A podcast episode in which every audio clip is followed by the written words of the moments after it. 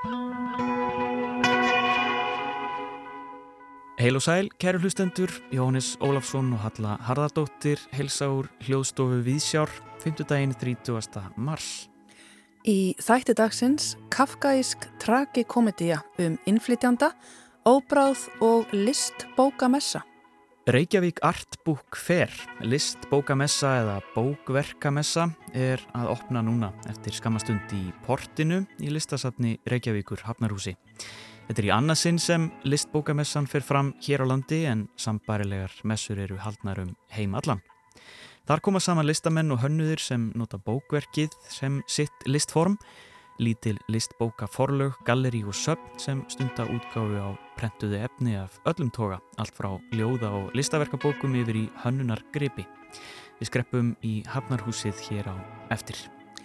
Einnið heyrum við ríni í nýja íslenska skáldsögu Óbráð eftir Guðrunu Brjánsdóttur en við byrjum á nýju leikverki sem frumsýnd verður í Tjarnarbíói í kvöld.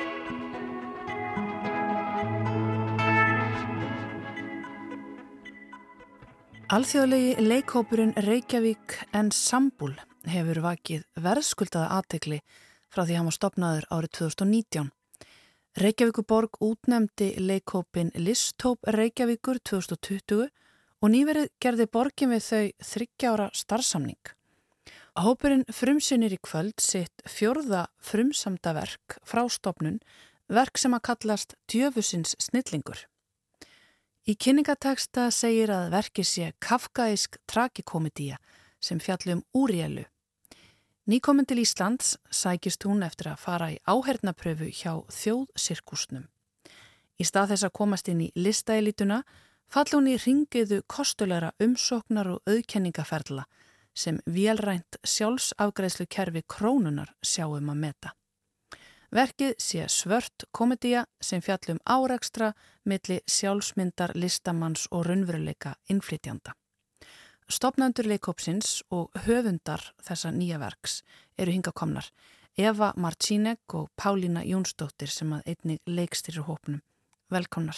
Takk fyrir. Takk fyrir. Til að byrja með, um, segja mér aðeins frá þessu ævintýri, hvernig þetta hófst og svona, hvert markmiðið með þessum fjölþjóðlega listahóp er? Já. Hver vil taka bóltan? Ég skal grípa hann. Uh, tilurð um, Reykjavík Ensemble á, á ráðittisuna Reykja í því að skömmu eftir að ég kom heim til Íslands frá New York þar sem ég hafi verið búsett og í uh, leikstjórnarnámi í Columbia University starfandi með alþjóðlegu listafólki í gegnum uh, langa tíð á mínum starfsferðli kem ég hérna heim og var svona ennþá að reyna að velta fyrir mér og, og átta mig á hvort ég ætlaði að halda áfram úti í bandaríkjónum að starfa þar eða koma heim og ég var að byrja að vinna hérna heima.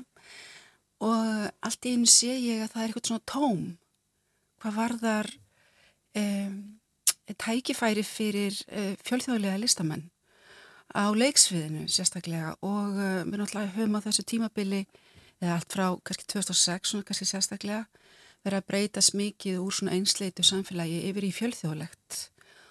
Og þarna einhvern veginn blasti við með verkefni sem að greinilega þurfti að sinna.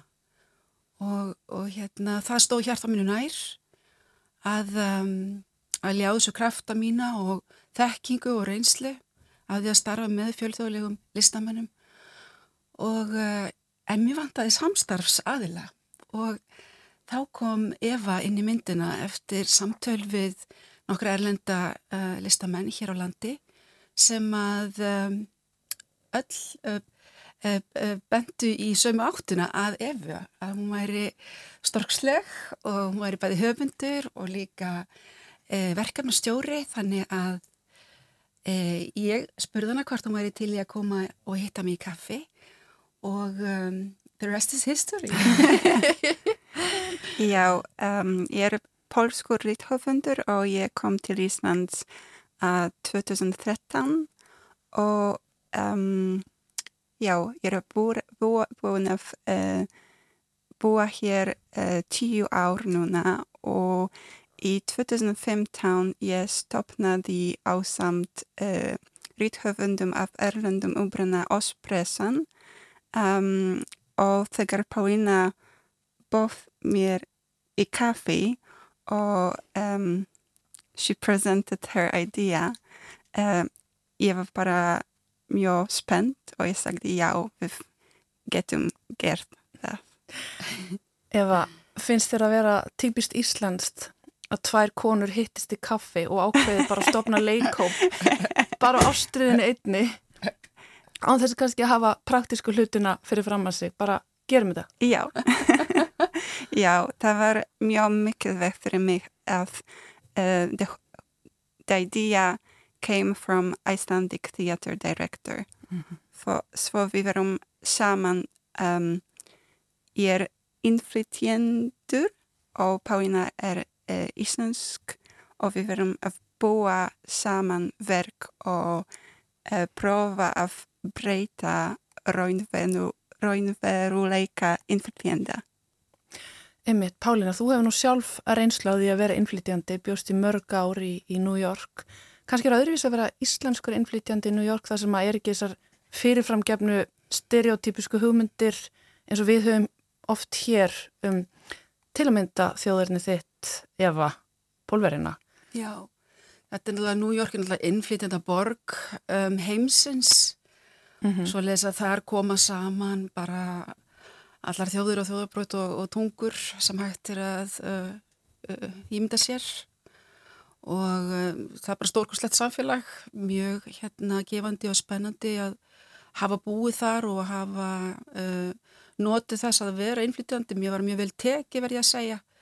E, ég fór auðvitað í gegnum svona langt svona umsóknar ferli bæði þegar ég fekk hérna uh, listamanna vísað mitt fyrsta og svo þegar ég sóti um grænakorti svo kallaða að það var hérna ferli sem að tók tíma og þurfti að útvega ótrúlega mikið af gögnum og þetta var svona ákveðna svona bara prófraunir sem maður þurfti að hérna, standast mm -hmm. og það fór allt vel og hérna ég, ég nöyt góðs að því að vera uh, íbúi í New York uh, ég fór það síðan í nám eftir að starfa sem leikari uh, í leikstjórnarnám sem var svona langtráður draumur minn mm -hmm. og ég var mjög heppin að fá atvinnutækifæri strax að lokna námi út í bandaríkjónum og svo hérna heima þannig að mín reynsla sem innflytjandi er ekki uh, sérstaklega dramatísk myndi ég segja en hún vissulega hérna það, það voru ákveðna kröfur sem að þurfti að uppfylla og um, ég gat það, það voru tilgögn sem gáttu sanna það að ég væri umsækjandi sem væri sá sem hann segðist vera. Einmitt.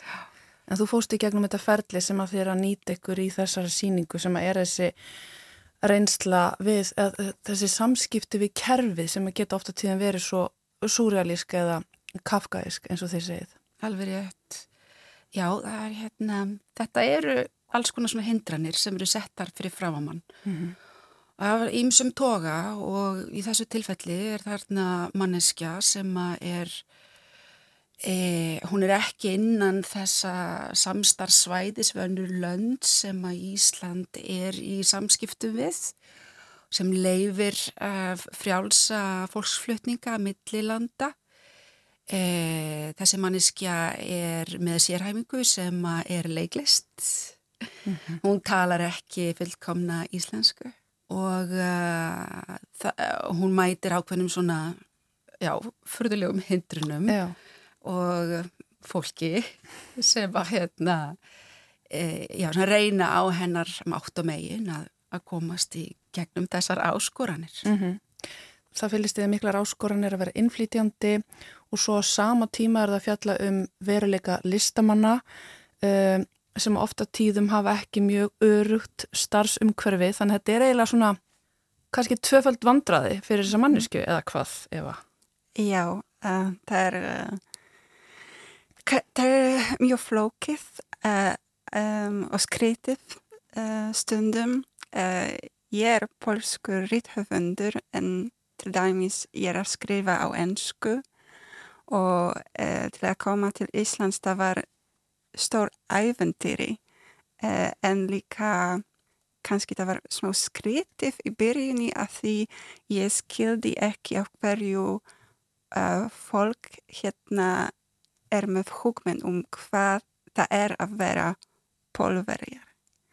Svo ég líka skrifaði um það og uh, í bókina minna uh, Ísland Polaraf, Polishing Iceland, sem Paulina um, aðlagaði, aðlagaði uh, í 2020 og við vorum með syngu í Tjarnarby og um, svo það er mjög flókið ferli held ég eftir að vera um, innflytjendur og listamæður hérna. Það er mikið, stu, miklu, mikið það er stór studning uh, en ég held við getum gert miklu meira um, um, hjálpa með síni sínileika mm -hmm. og, og uh, tækifæri, ný tækifæri uh, og líka studning. Mm -hmm. Einmitt og kannski finna leiðir til að brjóta niður þessar stereotypisku hugmyndir sem að þú varst hérna að vísa í og sem að þið fjalluðu einmitt um í Ísland Pólerað. Já. Um, en finnst þér að hafa mikið, þú ert búin að vera hér í tíu ár. Já. Finnst þér eitthvað að hafa breyst á Já. þessum tíu árum? Já. Um, it changed so much uh, from since I came here and it, so it's been a decade now, 10 years. So for me it's also very meaningful. Um, I think Iceland has been going through such a tremendous social change regarding the uh, huge increase in uh, migration Eva segir ótrúlega margt hafa breyst á þessum áratug sem að hún hefur dvalið hér. Landið hefði gengið í gegnum ótrúlega miklar félagslegar breytingar því hinga hafið flust mikið af fólki.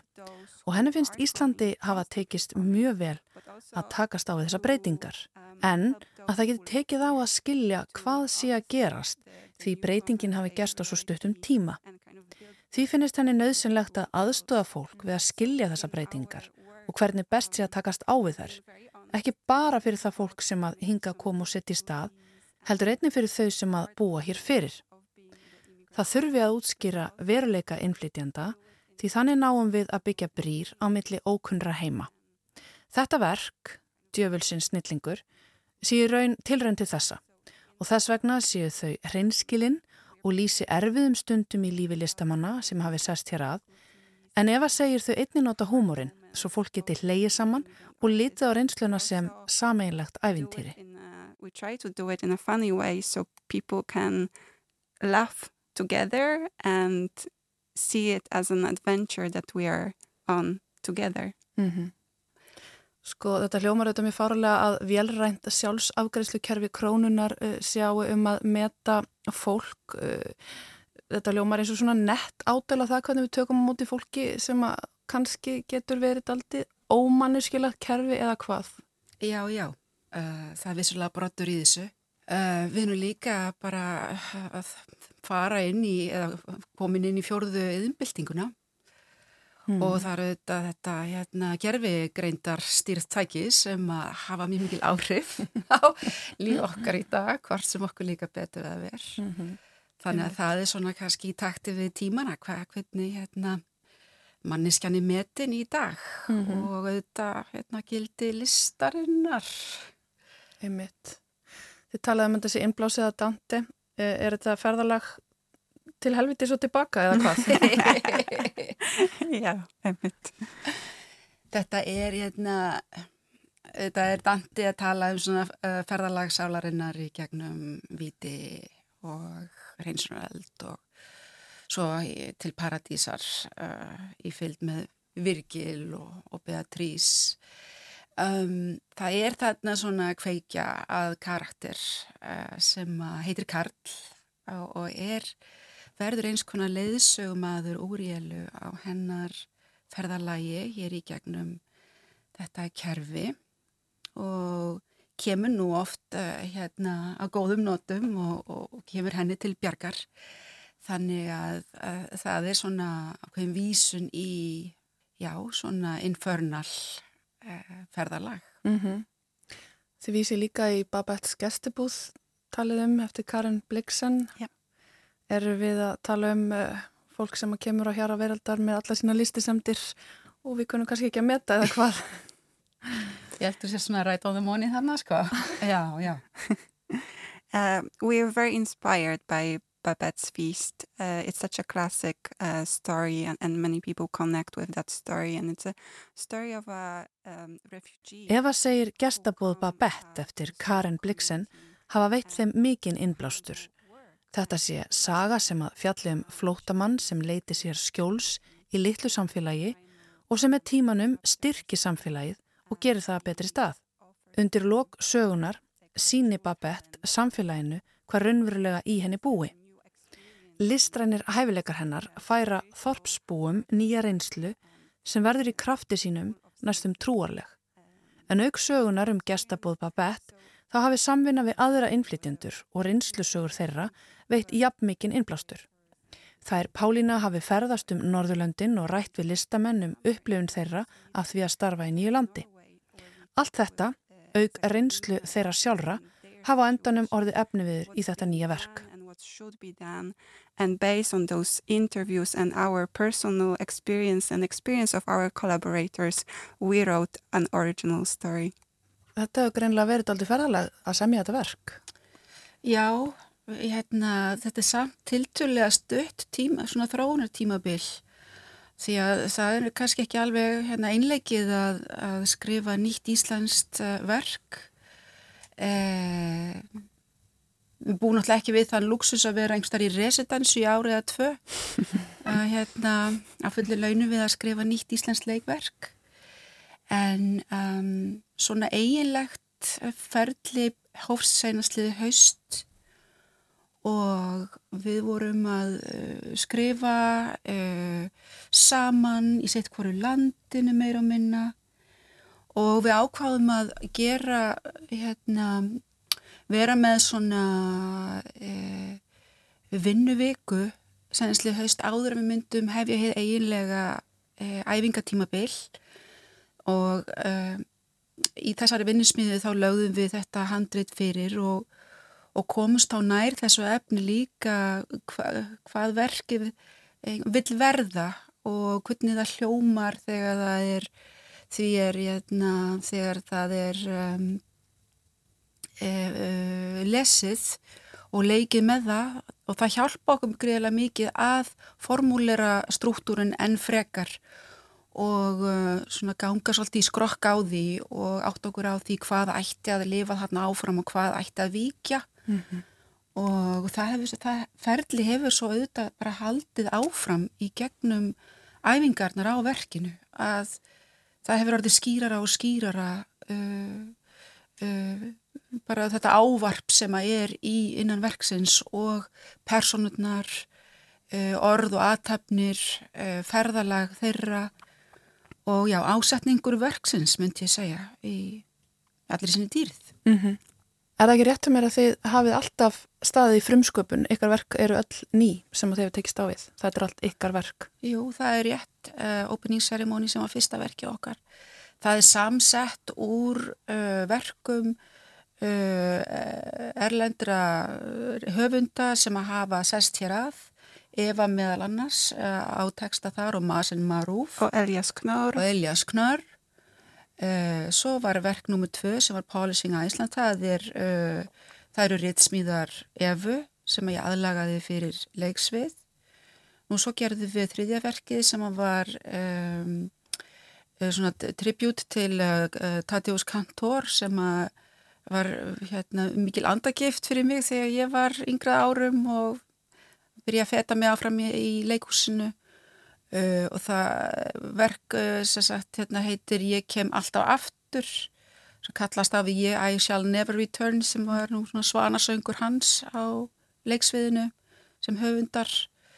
Uh, þar var, það var svona device theater uh, það sem allir kom á borðinu og, og textin kom frá flytjandum og, og höfundum.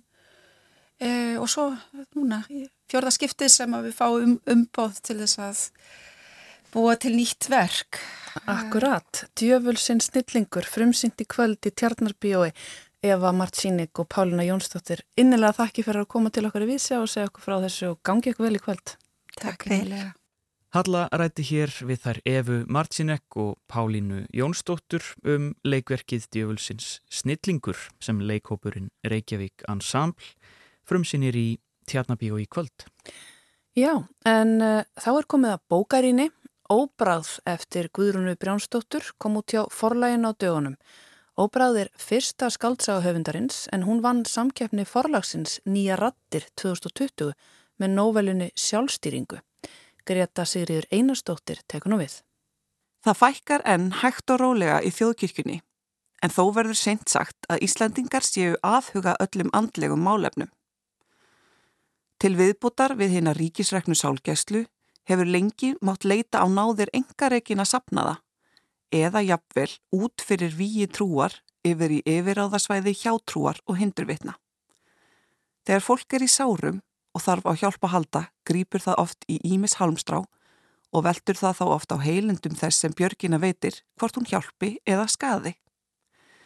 Hugleisla og jóka eru gífurlega vinsæl og æg fleiri stundaferðir í svitatjöld, prófa sig áfram með ör skamta af sveppum eða komast í eins konar leiðslu við að drekka kakó. Guðrún Brjánsdóttir er ungur höfundur sem árið 2020 sigraði rafbókasamkeppni forlagsins nýja rattir með nóvelu sinni sjálfstýringu. Síðan þá hefur hún ekki setið auðum höndum, heldur gefið út ljóðabók, þýðingu og nú nýjasta verk sitt, Óbragð. Bókin kom raunar fyrst út í danskri þýðingu síðasta haust þar sem Guðrún bjóðum tíma en er nú fáanlega á frummálinu. Í bókinni tekst Guðrún á við ýmsa þræði úr samtímanum, einmannaleika og geðræn vandamál, COVID-19, andlega leit og kakóserimóniur. Þrátt fyrir há alvarleg umfjöllunarefni er sagan þó létt ástar og ferðasaga. Sagan fjallar um Hjalta, ungan mann á krosskötum í lífinu. Hann er nýhættur með kæristunni sinni, getur ekki sofið af óta við veggjatítlur og finnur ekkert bragð eftir COVID-19 smitt. Hann kynnist óvænt hópi fólks sem stundar andlega sjálfsvinnu með hjálp kakós frá Guatemala og ferðast með þeim um landið. Hópurinn er litríkur og vandamálinn sem meðlemið hans leita sér lausna við sömu leiðis. Alkohólismi, léleg sjálfsmynd, sveppleysi og sektarkend af ymsum toga plaga hópin sem finnur þó alltaf ró í hugleðslu og kakodrykju, þó stundum reynist hún skamvinn. Leðtogi hópsins er hinn aðsópsmikla hildegunur. Í upphafi bókar er Hjalti svo auðmur að hann verður nánast skrýpa útgáfa af sjálfum sér, heldtekinn af sínum eigin vandamálum. En eftir því sem sögunni vindur áfram, dýpkar persóna hans og vandamál hans verða skiljanlegri. Það sama má kannski segja um personurnar í kakohópnum, sem eru nánast klesjukendar við fyrstu svín, en mótast svo sem personur eftir því sem líður á bókina. Vandamálið við að leita sér hjálpar er að fólk sem á í vandræðum er oft varnarlaust gagvart hjálpara sínum. En það hefur oft brunnið við í gegnum tíðina að óbrútnir aðilar nýti sér trúnaðar tröst fólks sem berskjaldar sig fyrir þeim. Þó fjallað sér hér um skuggarliðar hins andlega heims er sagan þó engan veginn áfællistómur yfir andlegri starfsemi sem slíkri. Þegar ferðala hjálta hefst er hann á slæmum stað, þjakaður af kvíða og áleitnum þráhyggjukendum hugsunum. Vinir hans virðast hafa betra tak á lífinu en þeir eru við það að gefast upp á honum og farinu sem hann hjakkar stöðugt í. Það er ekki fyrir en hann kynnist hildikunni að hann næra að opna sig um vandamál sín og hefja ferðalag í áttað úrlöst. Sagan gerir aldrei lítið úr vitsmunum hjálta, nýja gerir hann umkunarverðan fyrir að gleipa hratt við öllu sem hildikunnur segir. Þó hann gangi hratt og óvendin í hópin er það vel undirbyggt í bókinni. Lesendur eru í betri aðstöðu en hjaldi til að sjá hvernig hópurinn virkar. Leðtógin Hildigunnur er alltaf klætt í Bollywood múnderingar, í ólíkum litum, síður kakóið eftir öllum kunstarinnareglum og leggur mikla áherslu á tenginguna við Suður Ameríku. Framandgerfingin og aðtarmiðnar, förstur og ferðir út úr þægindaramma hópsins hjálpa til við að gera hópin undirkefinn.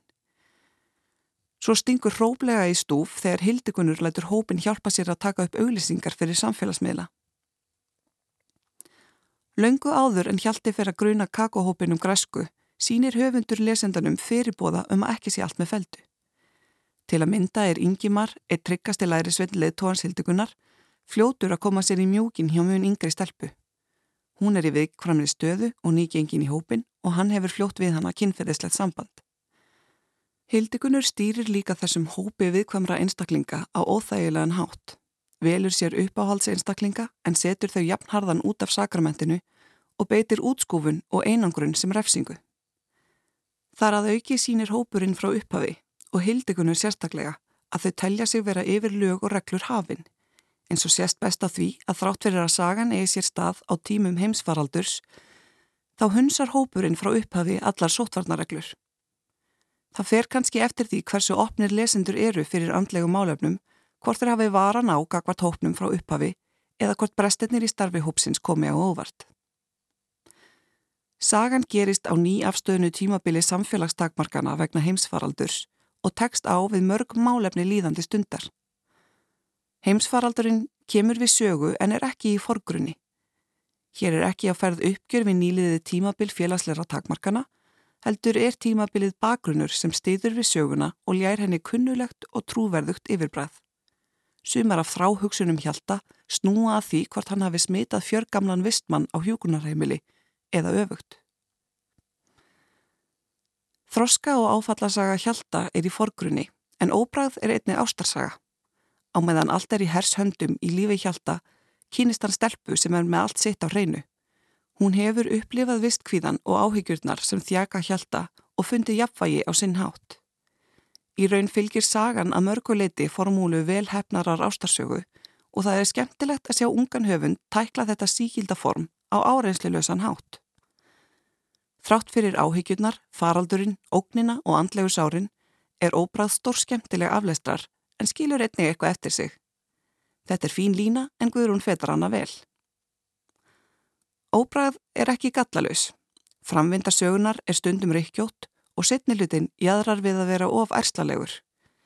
Þetta er enguða síður stór skemmtileg bók sem tekst að nálgast flókin málefni af virðingu. Vandamál hjálta eru ekki gerð lítilvæg Nýja er gert lítið úr mikilvægi lausnarinnar fyrir hann. Þetta er létt samtímasaga sem veitir af þreyingu og eitthvað til að hugsa um og það er kunst að gera það vel.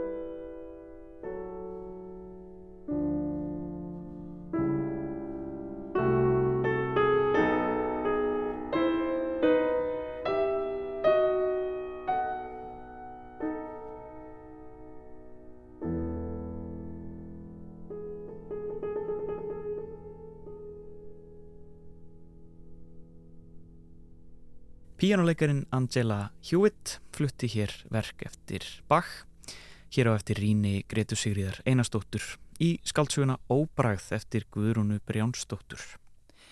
Þetta verk eftir Bach er að finna í nótnahefti sem að kallast Orgelbuchlein eða Littla Orgelbókin. En það er nótnahefti sem hefur að geima sálmforleiki sem Bach samti við upphaf átjöndu aldar og sem að Mendelssohn gaf út á síðar hluta 19. aldar.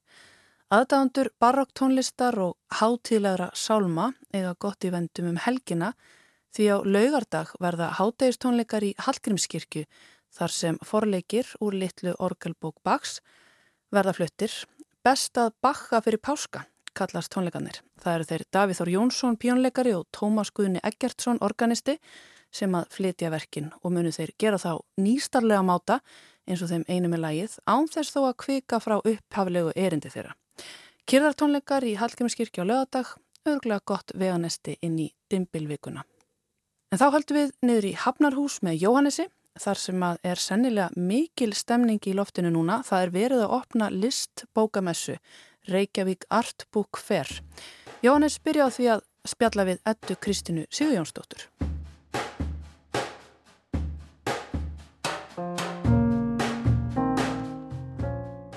Þetta Kristín, við erum stöðt hérna í Hafnarhúsinu, listasafni Reykjavíkur. Það er svona svolítið tjaldstemming hérna, það er svona regning úti og regnir hérna á tjaldið. Hér í þessum stóra sal mun allt fyllast af bókum í dag. Það er að byrja hérna Reykjavík Art Book Fair, list bókamessa. Uh, segð mér aðeins frá þessu, er það náttúrulega ekki komna neina bækur akkurat, akkurat eins og staðin er núna en, en, hérna, en þetta er alltaf skriðið saman og opnar í dag eða ekki? Jú, það opnar í dag klukkan 5 hérna í porti Hafnarhúsins og við hérna það er, já eins og þú segir, svona kannski pínu tjaldstemming og svona um, örlítið naburt hérna í, í portinu en það er hérna að einhver leiti í svona fegurstu mynd en það verður alveg dásanda eftir sko þegar verður allt orðið fullt af bókum og bókverkum í svona sinni, sínu víðasta formi. Þetta er í rauninni þannig fyrirkomulega að það koma saman sko listamenn og lítil uh, forlög og uh, söfnin og galleríin og það er tölsvært að gestum frá útlöndum líka mm. og það er í rauninni hver og einn að selja sko bara sí, verk sem sé sín og sinna listamanna. Þannig að það er bæði sko sjálf út, útgefið og svo einhverjum svona minni, minni útgáfur. Þannig að þetta er svona til til að einfalt form þannig laga þannig að hérna örvæntu eigi þó svo að sé svona hérna tómlegt hérna akkurat núna að það mun verða sprengja og verður allt hérna yfirfullt af ímsu óvæntu Já. á eftir. Ummitt og, og þetta er bara mjög spennandi. En þetta er náttúrulega uh, mjög ólíkt til dæmis bókamarkanum sem var í, í laugadalnum eða var eins og í perlunni. Þetta er, þetta, eru, þetta er ekki þessi, þessi forlög sem eru á þeim mörguðum Já, sko áherslan er í rauninni annar staðar og það er ekki þannig að Við settum í rauninni ekki upp einhverja mjög stífa reglur um hver má taka þátt eða ekki en það var bara okkur umsók sem að fólk hérna fylgti út. En það er kannski má segja einhver leiti að sko formið er í rauninni svipað en e, þetta er kannski einhver leiti svona e, bók, bókamarkaður listamannana þannig að við svona, reynd að kalla þetta sko bókverkamarkaðurinn í Reykjavík og þetta er e, bók, svona sko sambærilegi markaður eru haldnir út um allan heim Þannig að þú veist, formati er í rauninni bara svona, eða svo fyrirkomulæði er í rauninni bara svipa við erum svolítið að spekla bara fyrirkomulæði sem, sem að er til annar staðar. Já. En já, þetta er í rauninni bara annar hópur eða annar, annar kimi eða hvað maður að segja. Já. En sko getur höfða til allra og við viljum bara endilega sko bjóða alla velkomna og þú veist það er ekki þannig að þú þurfur að vera innvíguður í heimlistana eða svolítið sko. Nefn að síður sig og þetta er einmitt kannski mjög góður staður til að koma fyrir þá sem eru fárvittnir og vilja koma og grúska í sko, hvað maður segja, öðruvísi bókum og bókverkum sem þú þarf kannski í sumum tilfellum að lesa meira með líkamannum eða þú veist að taka inn á einhvern annan hátt. Þetta er hérna... Er mjög fjölbreytt. Þetta er mjög fjölbreytt sko það geta verið bókverk sem að eru, það getur alveg verið einhver sem er gefið út í einu eintaki, mm. handgert, mikið prent, um, getur svo sem verið alls konar. Ég veit að það eru hljóðbókaverk og þú veist þannig að það mun ímislegt byrtast hérna. Hver er, er þessar alþjóðlegu fyrirmyndir? Hvar eru svona uh, messur haldnar? Það eru svo sem haldnar út um bara allan heim. Það er bæði byrja í hérna Norðurlandunum og, og bara, já, eiginlega bara út um allan heim sko. Ég veit að hérna samstarskona mín var í, á hérna bókverkamarkaði í Mexikoborgum daginn og það, já, það er í rauninni bara, þú veist, aðþennu, kaupmannaöfn, þetta er bara svo sem út um allt sko.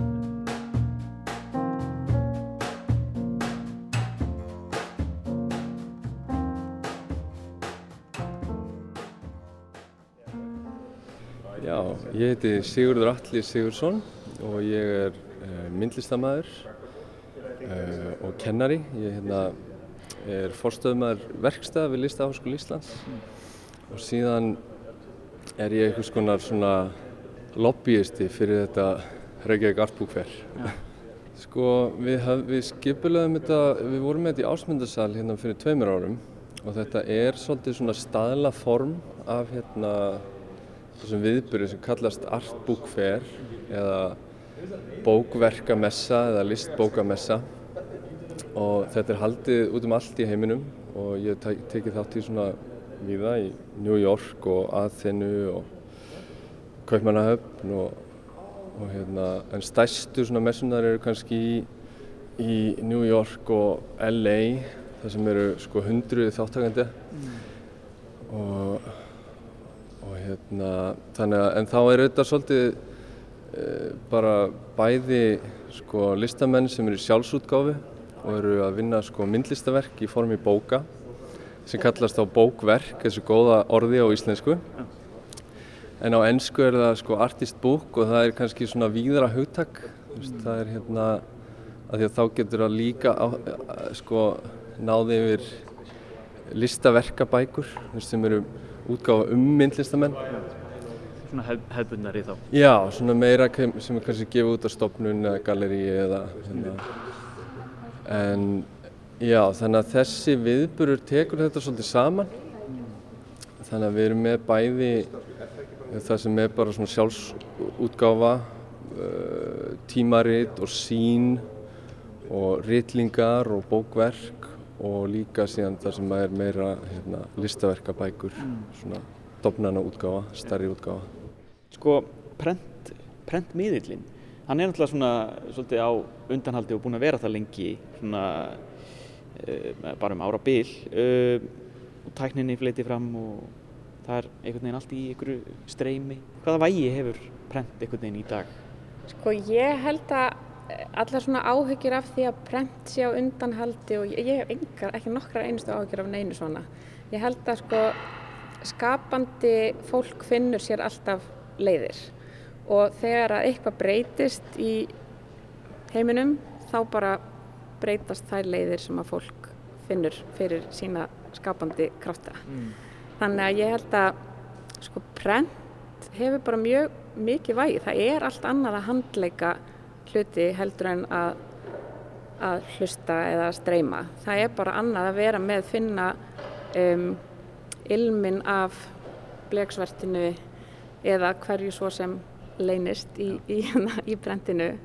Þannig að ég er svo sem, já, þannig að ég held að það hafi í rauninu bara mjög, mjög mikið vægi og, og það er mjög stverða líka orðin meiri kannski áhersla og meiri meðvitund um sko gildi handverks og svona svolítið þessara svona gömlu yðna sem að kannski duttu aðeins niður á ákveðinu tímabili þegar það var rosa mikið þú veist það sem áherslan var í rauninu bara annar staðar Já. en mér finnst að einhverju leiti, að mín tilfinning er að einhverju leiti að þá sé þetta svolítið að koma svona heim og saman einhvern veginn aftur Það er svona það sem mér finnst hafa gerst svona líka á síðustu árum og áratugum í bókahönnun er að bókahönnun er alltaf að taka meir og meira inn í sko dæmið og hugsa um sko bókina sem hlut, ekki bara sem upplýsingar. Já. og þetta gerist náttúrulega líka bara með tilkomi internetsins og að því að þú vilt koma út upplýsingum þá gerur það á internetinu. Mm en þegar þú ert að gefa eitthvað út í prenti þá ert alltaf að gera eitthvað hlut. Mm. Það er einhvern veginn meiri sögn að prenti eitthvað út í dag heldur en, mm heldur en það var. Það var náttúrulega bara aðferð til þess að mitt miðla upplýsingum og gefa út bækur og svona, þetta er einhvern veginn já, meiri ásetningur í dag.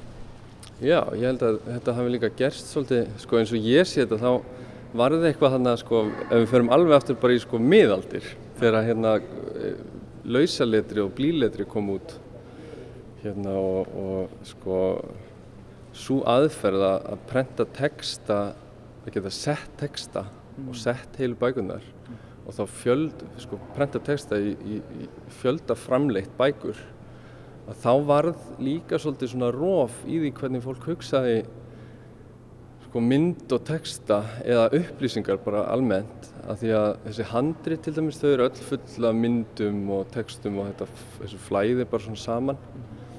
En síðan gerir tæknin það verkum að sko, þú fyrir að prenta mynd og texta á mismundi hátt.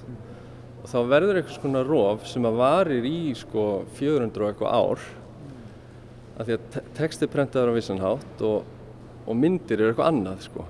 En síðan er það kannski það sem gerist með þessum bókverkum sem að hérna þetta byrjar kannski með sko uh, í datanu og hérna konkrétljóðunum þar sem að það er verið að brjóta upp textan á síðunni og hugsa síðuna sem myndflöt sko. Og síðan fara myndlistumenn að gera þessa tilröðinni með bókverkið og sko handverkið, prentið, hugsa bókinu sem skuldur um, og, og hugsa hana sem bara hlut sko, sem að, og fara með upplýsingar alveg eins hvort sem það er í myndrænu eða, eða í formi texta sko. Og það hefur verið uh, talað um grósku í íslenskri bókaútgáfu bara mjög lengi og það eru uh, alltaf einhvern veginn að sprett upp ný og ný forlög og einirkjar sem er að gefa út, hérna, gefa út alls konar bókverk. Uh, þetta, er, þetta er oft gert af ástríðu, hvað, hvað heldur að drífi fólk áfram? Já, ég held í rauninni þetta sé ósköp einfalt sko, bara ef að fólk hefur þörf fyrir að koma einhverjum hugmyndum frá sér og þá bara verður það einhvern veginn að gera það því að hans bara einhvern veginn sapnast það fyrir í líkamannum og það verður bara veldur líkamlegum óþægendum. Þannig að ég held í rauninni að veist, þetta sé pínu óumflíjanlegt og ég held í rauninni að það hafi allir um, einhverja svona skapandi þörf í líkamannum og hún er kannski bara mismikil og fólk finnur henni ólíka farvegi.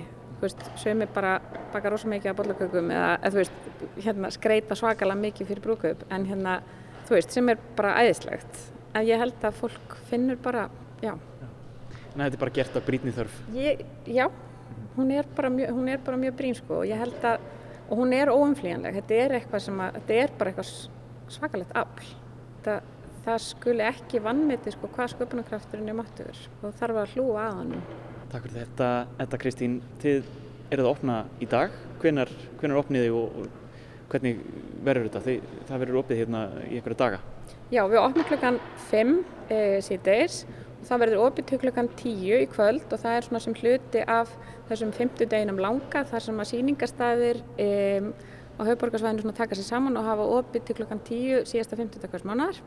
Svo verður opið frá 12 til 5, förstu dag, laugadag og sunnudag og svo þessi dagskrá hérna í, í bland laugadaginn og, og síningin sem opnar í Uppsálum Galleri á, á förstaskvöldi. Hvernig fólk til þess að kynna sig þetta? Takk fyrir spjallið þetta og gangið þið vel. Ég ætla að hleypa þér aftur í undirbúningin.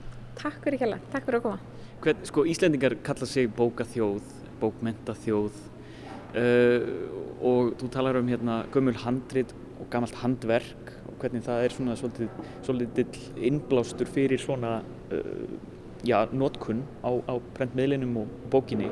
Hvernig, já, hvernig talar þetta inn í Íslands samfélag, finnst þér? Nú er búið að halda eina svona, svona messu það er, samt, það er kannski svolítið erfitt að alhæfa því að þetta eru svo margir kemar sko. það, eru, veist, það er bókahönnun er eitt og síðan er sko bókband og handverki í kringum það og bókagerð það er alveg svona e, einn sena bara einhvern veginn útaf fyrir sig síðan eru að myndlistamenn sem bó, nálgast bókina sem skuldur mm. það er einhvern veginn eitt og, og síðan eru allir þessi útgáfa í tengslum við list sem að er bæði sko, sjálfsútgáfa og myndlistamenn að gefa út tímaritt og þannig að þetta, þetta svona, það er svolítið erfitt að hugsa þetta sko heilt yfir en það er kannski það sem þessi viðbúru gerir að hann svona, þá fær maður svolítið sínina og yfir sín sko. Já, akkurat, draga þetta svolítið saman. Já.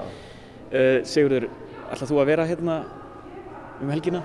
Hva, hvað verður í gangi hérna?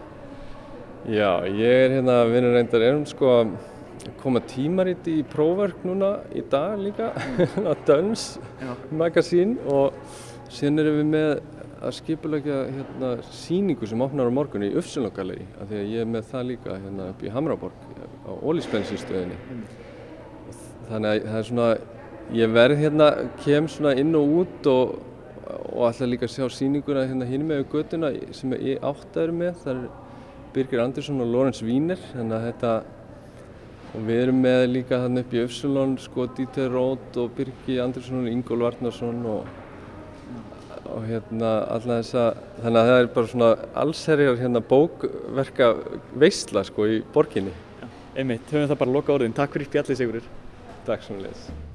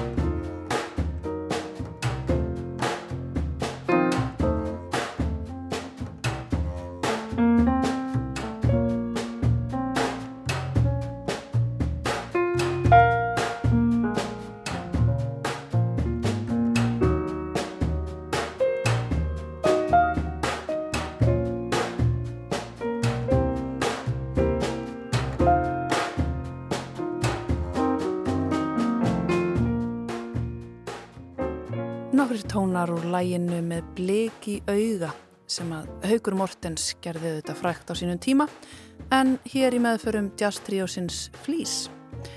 Og hér á eftir heimsókn Jóhannesar í Hafnarhúsið þar sem hann rætti við Ettu Kristínu Sigjónsdóttur og Sigurð Alla Sigursson um list bókamessu sem er að hefjast núna bara rétt í þessu.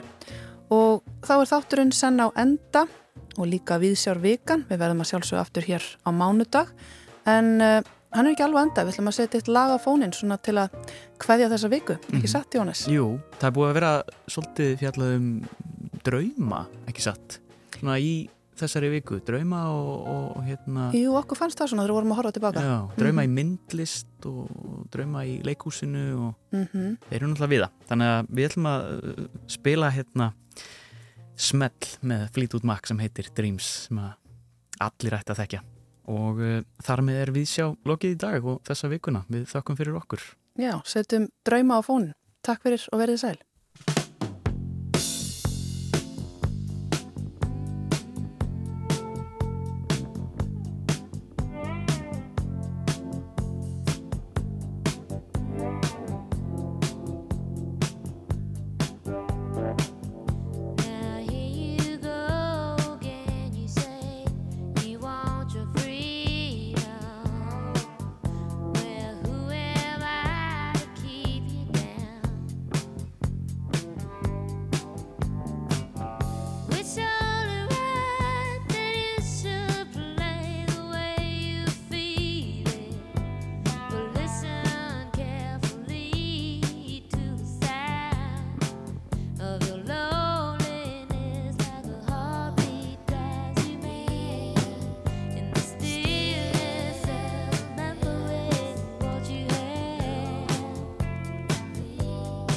You love.